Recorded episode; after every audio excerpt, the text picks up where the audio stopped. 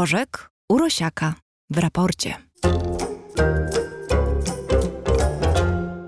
Doktora Tomasza Rożka dawno u nas nie było, więc czas nadrobić zaległości. Witam cię serdecznie.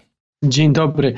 Wiesz, trochę to jest tak, że to ty mi zadajesz takie pytania, na które nie ma jednoznacznej odpowiedzi. Może dlatego, że tylko takie cię interesują, natomiast nauki ścisłe mają jednoznaczne odpowiedzi na wiele różnych pytań. No ciekawe, czy dzisiaj dojdziemy do jakichś jednoznacznych odpowiedzi, bo chciałbym, żebyśmy porozmawiali o nowych sytuacjach covidowych. Zebrało się trochę tego w ostatnich tygodniach. W zasadzie wygląda na to, że niewiele się dzieje, ale to jest tylko takie złudzenie. W różnych miejscach, takich jak na przykład Australia, Izrael, Wielka Brytania, widzimy wzrost, wyraźny wzrost e, zachorowań na, na nowe odmiany koronawirusa. Światowa Organizacja Zdrowia ostrzega, że Europie grozi nowa fala zachorowań. Notuje się średnio wzrost o 10% w ciągu tygodnia. I chciałbym na początku Cię spytać, z czego to się bierze, a potem chciałbym Cię spytać, jak się przed tym bronić, ale najpierw odpowiedz na tą pierwszą część pytania. Czyli jednak idziemy w niejednoznaczne odpowiedzi. No, no do, dojdziemy. Wiadomo. Istotą tego, tej naszej dzisiejszej rozmowy jest dotarcie do miejsca, w którym to wszystko będzie bardzo niejednoznaczne, ale dojdziemy do tego. Na razie proszę cię, żebyś odpowiedział, czy mamy jakieś rzeczywiście naukowe podstawy do opisania tej sytuacji, która y, wygląda na niepokojącą. Mamy, natomiast ona nie wygląda, ona nie jest tak niepokojąca, przynajmniej na razie, jak y, czasami czytam w niektórych komentarzach. Wymieniłeś trzy kraje: Wielką Brytanię, Australię i Izrael. Jeżeli chodzi o Izrael, to tam niepokojących sygnałów na razie nie ma, ale być może się zbliżają, bo, mm, bo zbliżą się być może wszędzie. Stąd takie sygnały, że, że tam następuje powrót do pewnych um, obostrzeń, czy, czy, czy powiedzmy takich przepisów No jest pewien wzrost zachorowań. Ja specjalnie wymieniłem kraje, zwłaszcza Izrael, Wielka Brytania. To są kraje, o których się mówi jako przykładowe, gdy mówimy o procesie szczepień, tak. prawda? W Izraelu czy w Wielkiej Brytanii. W Wielkiej Brytanii 63% ludzi jest zaszczepionych podwójną dawką, a mamy 28 tysięcy zachorowań dziennie w tej chwili. Tak, i właśnie tutaj wchodzimy w te detale, bo co prawda w Izraelu ten wzrost nie jest aż tak drastyczny jak w Wielkiej Brytanii, ale najwyraźniej władze Izraela spodziewają się podobnego wzrostu albo nie chcą, żeby on się pojawił. Stąd, mimo tego, że patrząc na liczby w ciągu ostatnich dwóch, trzech, pięciu, a nawet dziesięciu dni, nie dzieje się nic niepokojącego, chwilkę przed naszym nagraniem to jeszcze sprawdzałem, to jednak pewne mm, sygnały, że coś się może stać, albo zróbmy coś, żeby coś się nie stało, takie sygnały z Izraela dochodzą. Mm, więc natomiast w Wielkiej Brytanii ten wzrost jest. I teraz co on oznacza, albo skąd on się bierze? E, winnym tego wzrostu jest tak zwany szczep delta, albo gdzie indziej zwany szczepem indyjskim, ponieważ w Indiach w październiku zeszłego roku po raz pierwszy mm, wirusa o takiej mutacji zauważono. I on rzeczywiście rozprzestrzenia się szybciej niż znane wcześniej warianty wirusa y, SARS-CoV-2. Y, policzono, że ta łatwość zakażania się albo łatwość przechodzenia tego wirusa, transportu tego wirusa jest około 60% większa niż w przypadku pozostałych e, wariantów. E, I to jest jak gdyby pierwsze wytłumaczenie, dlaczego, skąd te wzrosty, dlatego, że deltą e, o wiele łatwiej się zainfekować, zarazić niż poprzednimi wersjami. Co to oznacza w praktyce? No bo patrzymy na tak na razie zupełnie po powierzchni, patrzymy na pierwszy parametr, czyli liczby chorych, czy liczby e, wykrytych przypadków i widzimy w Wielkiej Brytanii dość znaczący wzrost.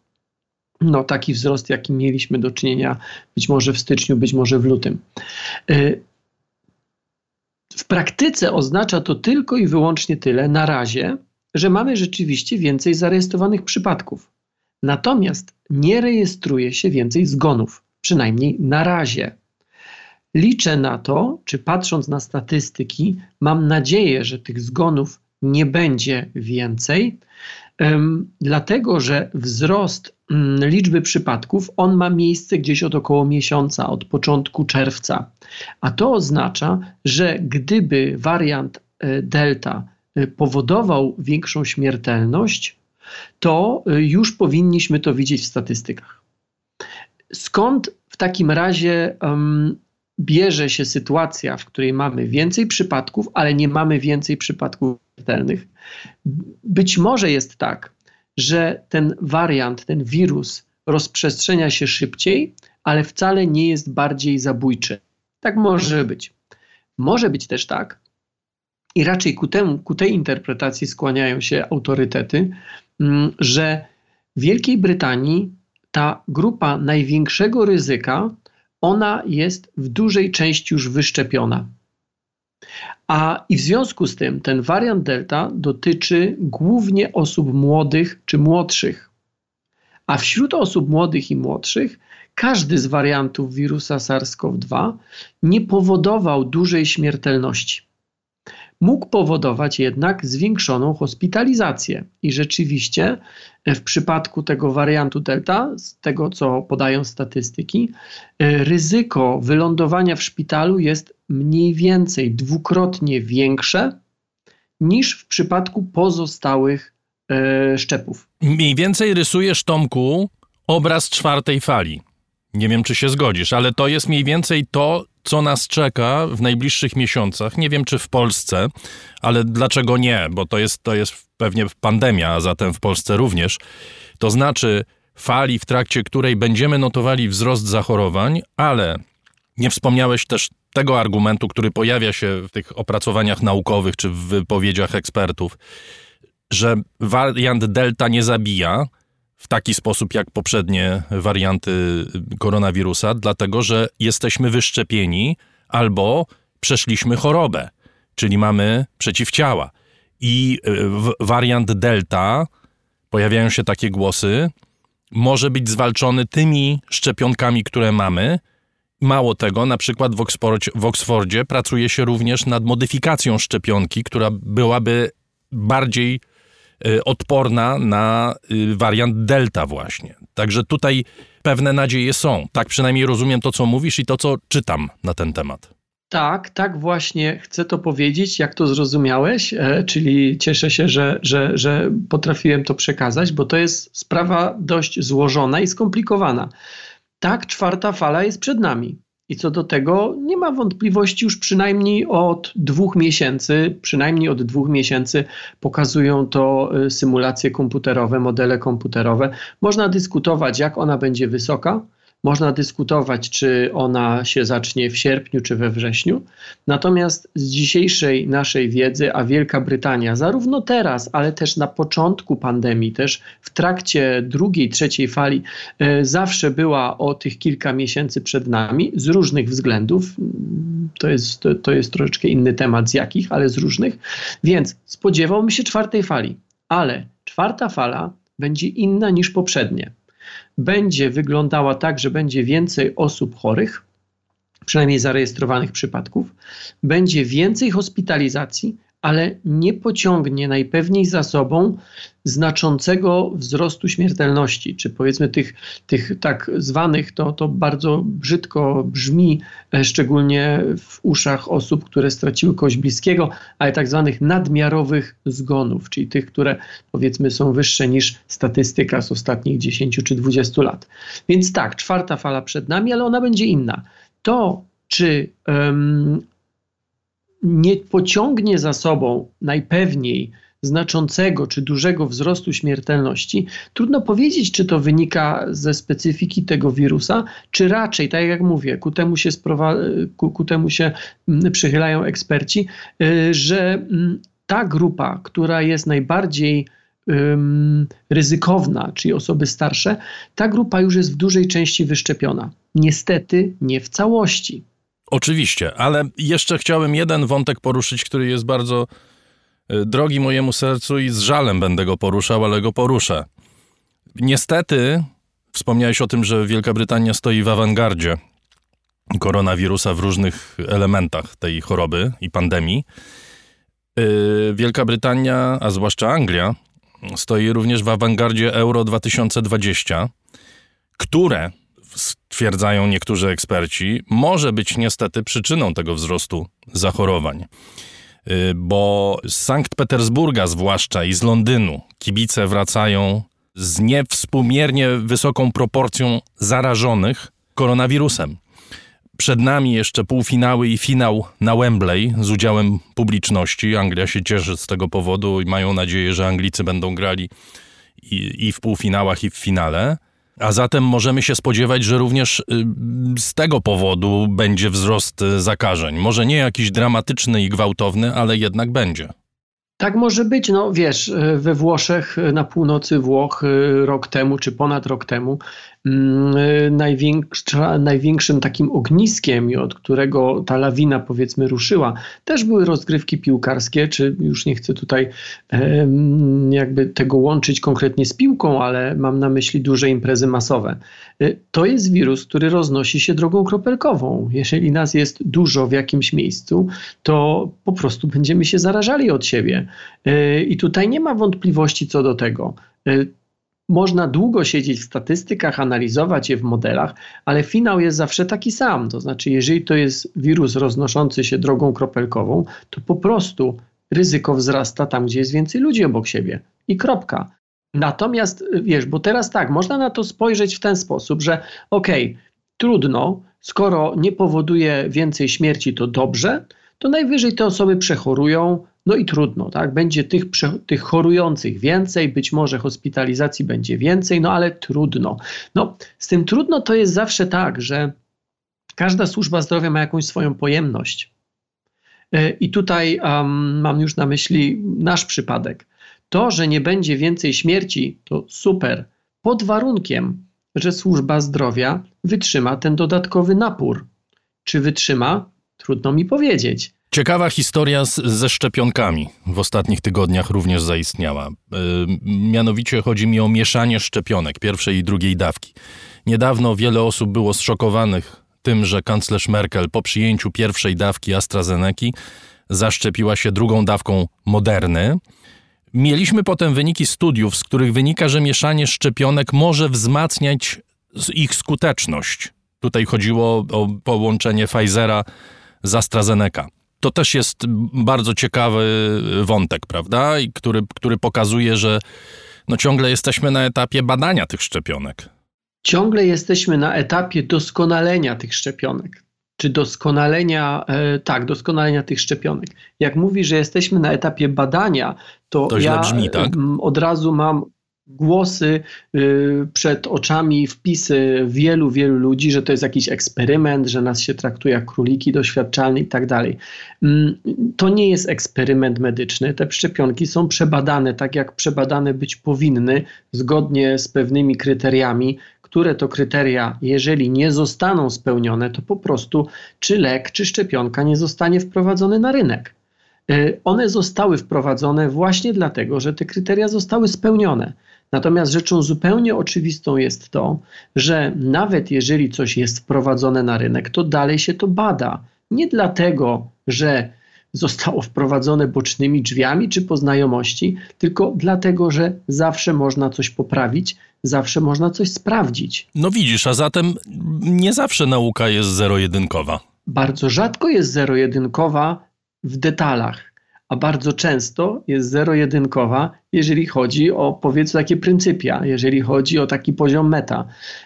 Jeżeli mówimy o szczepionkach, to te szczepionki, które zostały zarejestrowane, oczywiście, że dalej się y, sprawdza, czy na przykład dobrym pomysłem jest, żeby druga dawka, czyli tak zwany booster, był 3 tygodnie po, czy 6 tygodni po, a może 5 tygodni po. Nie chodzi o to, że w której z tych konfiguracji to nie zadziała, a w której zadziała. Chodzi o to, żeby na przykład, jeżeli w jednej ma 90% skuteczności, a w drugiej 94%, no to zmieniamy rekomendację na to 94. Ale nie dlatego, że to 90 było nieprzebadane, tylko dlatego, że jesteśmy w stanie jakimś niewielkim ruchem, czasami administracyjnym, przesunięcie na przykład drugiej dawki o tydzień albo dwa, jesteśmy w stanie zwiększyć skuteczność. I ja to postrzegam. Dobrze, Tomku, ale oczywiście tu wracam do, do wątku, który właściwie pojawia się w każdej naszej rozmowie na temat koronawirusa, że są wątpliwości co do sposobu komunikowania tego wszystkiego, co dotyczy szczepień. Błędów oczywistych i to nie tylko ze strony polityków, bo na początku mówiliśmy o tym, że politycy powinni się zamknąć,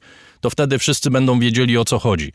No jeżeli się ludziom mówi najpierw, że drugą dawkę AstraZeneca powinno się brać po 10, 12 albo 13 tygodniach, a potem nie wiadomo skąd nagle okazuje się, że 35 dni wystarczy, no to każdy przeciętny człowiek, który dysponuje rozumem, zada sobie pytanie e, zaraz, zaraz. To znaczy co, nauka się zmieniła przez te dwa tygodnie? Od kiedy powiedziano mi tą pierwszą rzecz? Czy coś się wydarzyło takiego, co spowodowało, że nagle zmieniliśmy zdanie na temat odległości między obu e, dawkami, między obu szczepieniami? To są historie, które potem prowadzą do takich rzeczy, i to na koniec chciałbym, żebyś to skomentował, niestety, czyli naszą ostatnią historię tutaj domową pani doktor psychiatrii, która twierdzi w ogólnopolskiej telewizji, że znacznie więcej ludzi umiera na COVID po zaszczepieniu niż bez zaszczepienia. W programie szanowanego dziennikarza, w dobrej telewizji, przynajmniej szanowanej telewizji. Podaję przykład Polski, ale na całym świecie tego typu brednie opowiada się absolutnie bezkarnie. To jest jednak pytanie, pojawia się przy tym, czy, czy to jest cena, którą my musimy płacić za to, że po pierwsze wprowadzono te szczepionki bardzo szybko na rynek, i po drugie, że cały czas badania odbywają się w świetle Jupiterów. Cokolwiek się nie wydarzy, wszyscy natychmiast o tym wiedzą i wszyscy to komentują. I wszyscy udają, że się na tym no, znają. To jest oczywiste. I to jest być może problem. E, wiesz co, to jest tak naprawdę pytanie nie o szczepionki, tylko to jest tak naprawdę pytanie o model świata, w jakim my funkcjonujemy. Rzeczywiście pani psychiatra twierdziła mm, coś, co jest totalną brednią, i to twierdziła na podstawie konkretnych danych. Tyle tylko, że nie ogarnęła, że trzeba z proporcji sprawdzić, no po prostu wykonać zadanie matematyczne, nie wiem, z czwartej, piątej, może szóstej klasy szkoły podstawowej. Nie zrobiła tego. A jakie to było zadanie? To może nauczymy się czegoś. Sytuacja była taka.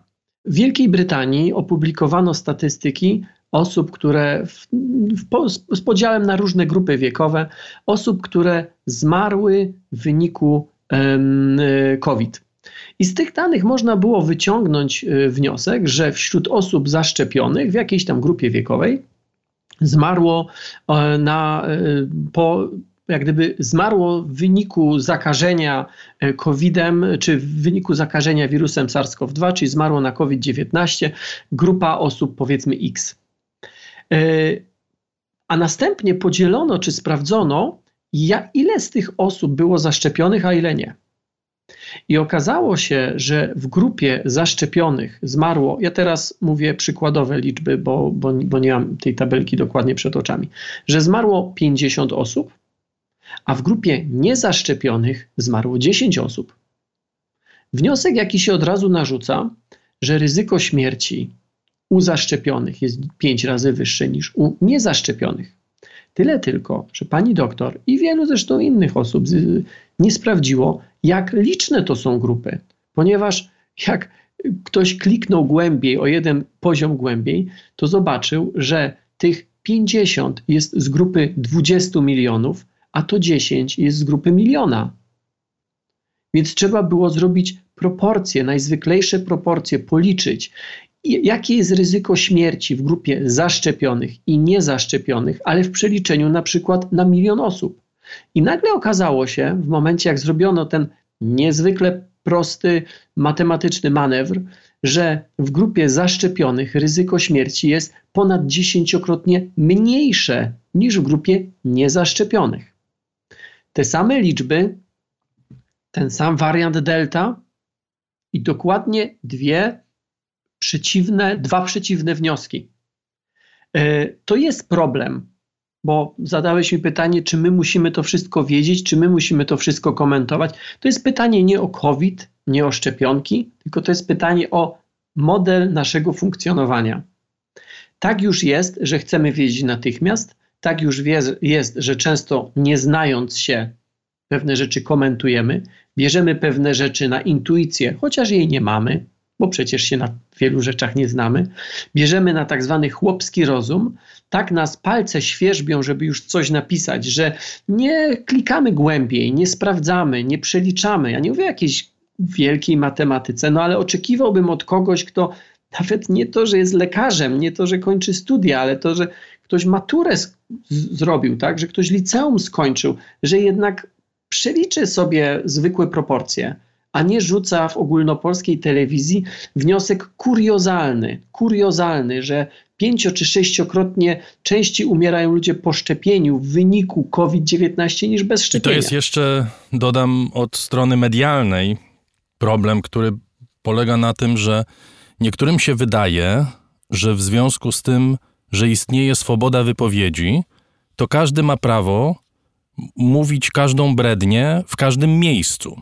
Są takie dwa pojęcia, znowu użyję angielskiego, przepraszam bardzo, ale one, on, tak one funkcjonują, żeby nie mylić freedom of speech, czyli wolność, swobodę wypowiedzi, z freedom of reach, czyli swobodą docierania do innych ludzi.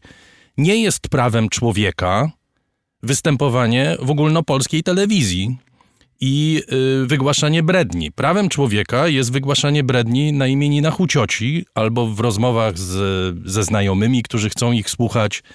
Okazuje się niestety, że również prawem człowieka, za, za chwilę prawdopodobnie do tego dojdziemy, y, jest to, żeby wypisywać brednie na Facebooku czy innych mediach społecznościowych, ale w ogóle to mylimy te dwa pojęcia i traktujemy je tożsamo, co prawdopodobnie również prowadzi do tego, że mamy czasem taką skłonność do tego, żeby zapraszać na przykład do programów ludzi, którzy nie mają pojęcia o czym mówią, tylko dlatego, żeby pokazać, że jesteśmy zwolennikami wolnej wypowiedzi.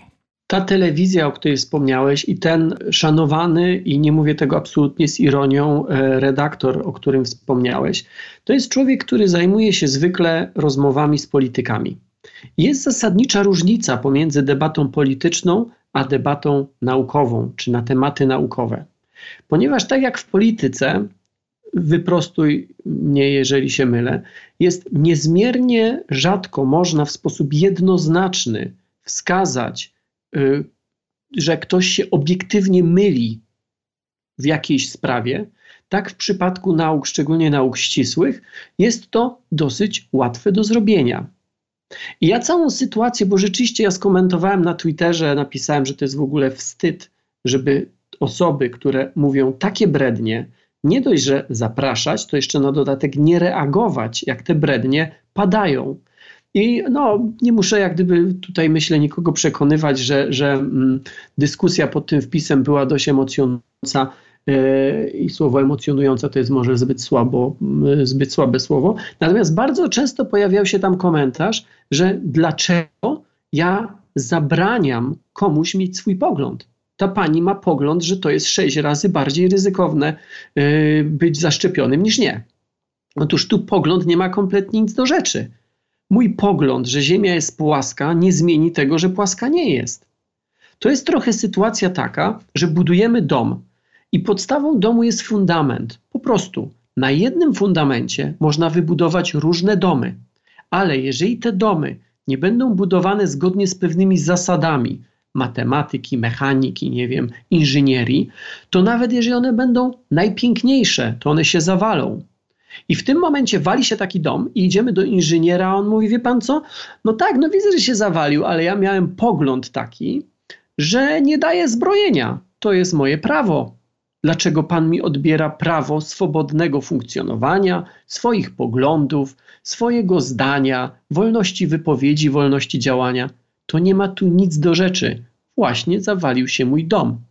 Dlatego, że ktoś nie dopilnował pewnych procedur, złamał pewne zasady, które są obiektywne, na przykład, a ten obiektywizm zapewnia im na przykład matematyka.